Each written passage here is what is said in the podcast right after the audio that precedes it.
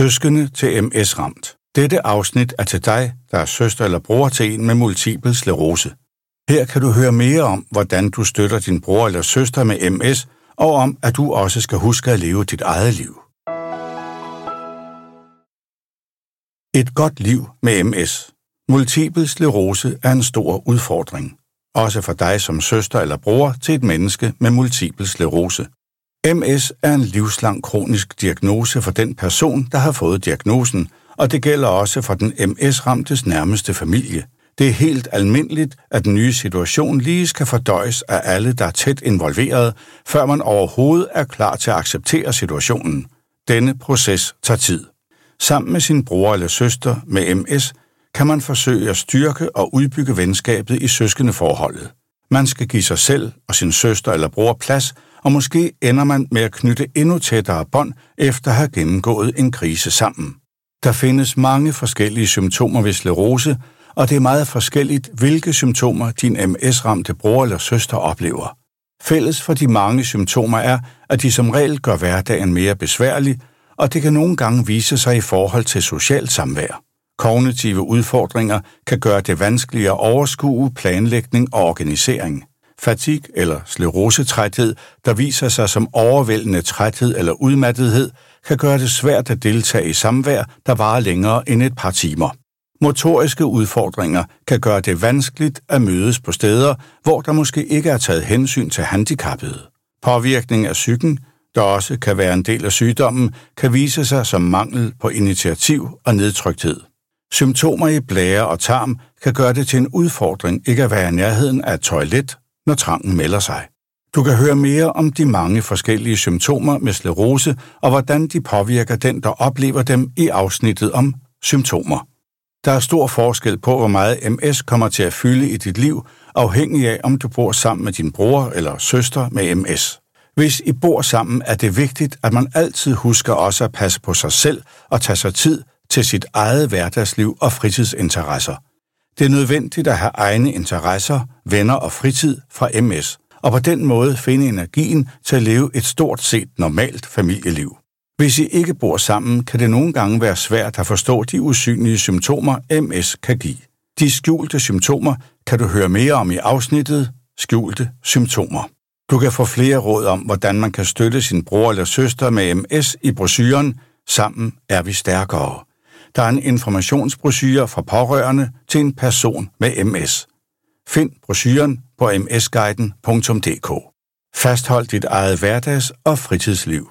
Når et menneske, man holder af, får diagnosen multiple sklerose, er det naturligt at sætte denne person i centrum. Men som søskende bliver man også nødt til at forholde sig til diagnosen, for MS er en sygdom, der har konsekvenser for hele familien. Den nye situation og de ændringer, diagnosen medfører, kan være en væsentlig stressfaktor for alle de pårørende, og man skal derfor vende sig til at håndtere den nye familiesituation. Hvad vil der ske med os som familie? Hvordan kan jeg bedst hjælpe? Disse spørgsmål er udtryk for helt legitime og normale følelser og er en naturlig bekymring. I tiden lige efter man har fået besked om, at ens søster eller bror har fået diagnosen multiple sklerose, er det vigtigt, at man også er opmærksom på, om man selv har det godt. Man bør være opmærksom på sine egne følelsesmæssige grænser og huske at genoplade sine batterier. Når MS-diagnosen bliver stillet, kan man let blive helt overvældet, men det er vigtigt ikke at lade MS-diagnosen styre alting. Husk også at tale med din søster eller bror om andet end MS. Han eller hun er så meget andet end sin MS-diagnose. Hvad med de svære perioder? Livet med multiple sklerose har også sine op- og nedture.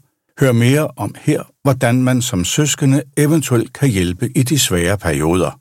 Ikke to dage ens for et menneske med MS. Der vil helt sikkert være mere alvorlige perioder, for eksempel under et attack, når ens søster eller bror med MS ikke længere kan passe sit arbejde eller sin uddannelse. I sådanne situationer kan det være svært at vide, om man skal blande sig og forsøge at hjælpe, eller man skal lade vedkommende være i fred. Hvad hjælper ham eller hende med at få det bedre? Her er det igen en balancegang, så man må være forsigtig, finfølende og nænsom, når man taler med sin søster eller bror, for denne kan både være nervøs, deprimeret og til tider endda vred. Den ærlige og åbne dialog er vigtig, særligt i de svære perioder, og så er dialogen også vejen til at løse potentielle problemer, inden de opstår. Som søskende skal man i sådanne samtaler passe på ikke at komme til at gøre bekymringer eller problemer trivielle eller hverdagsagtige. For eksempel, op med humøret, du vil få det bedre igen, eller det går nok alligevel. For din MS-ramte bror eller søster er det vigtigt at få sine følelser anerkendt. Håndtering af negative følelser. Diagnosen multiple sklerose kan udløse mange forskellige følelser. Både hos den bror eller søster, der er ramt af MS, men også hos den eller de, som er søskende til en med MS. Lige efter diagnosen er stillet, kan man opleve at være i chok. Efter en tid vil denne chokfølelse måske blive afløst af følelser som fortvivlelse, bitterhed og vrede. Som søskende har man højst sandsynligt ondt af sin søster eller bror med MS, men måske hjemsøges man under tiden også af skyldfølelse. Det er helt normalt at føle skyld over at være gået fri af for eksempel en sygdom, der har ramt andre. Men det er ikke din skyld. Søg hjælp uden for familien. Gode venner kan være en vigtig støtte i denne periode, fordi de ikke dagligt konfronteres med sygdommen og de medfølgende konflikter og problemer. Der findes også selvhjælpsgrupper for pårørende til MS-patienter, der kan danne grundlag for samtale, og det kan være en god idé at benytte sig af sådanne tilbud. Derudover kan det være en hjælp at tale med andre mennesker, der også tumler med lignende problemer og følelser. På Sleroseforeningens hjemmeside kan man læse mere om rådgivnings- og støttegrupper. Hvis man ønsker det, kan man også henvende sig til en psykolog for at få professionel hjælp. En udenforståendes synsvinkel på problemerne kan nogle gange være nyttig. Vær opmærksom på, at du som pårørende til et menneske med en kronisk sygdom kan få tilskud til at tale med en psykolog via henvisning fra egen læge. Hvis man opfylder betingelserne, vil regionen dække op til 60% af psykologens honorar. Du kan læse mere på sundhed.dk.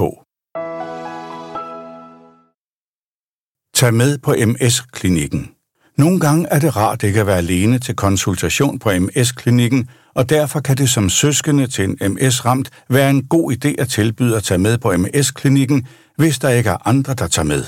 Især i starten kan det være en god idé at tilbyde, at man som søskende tager med til konsultationerne hos neurologen, men det er selvfølgelig en forudsætning, at ens søster eller bror med MS ønsker det.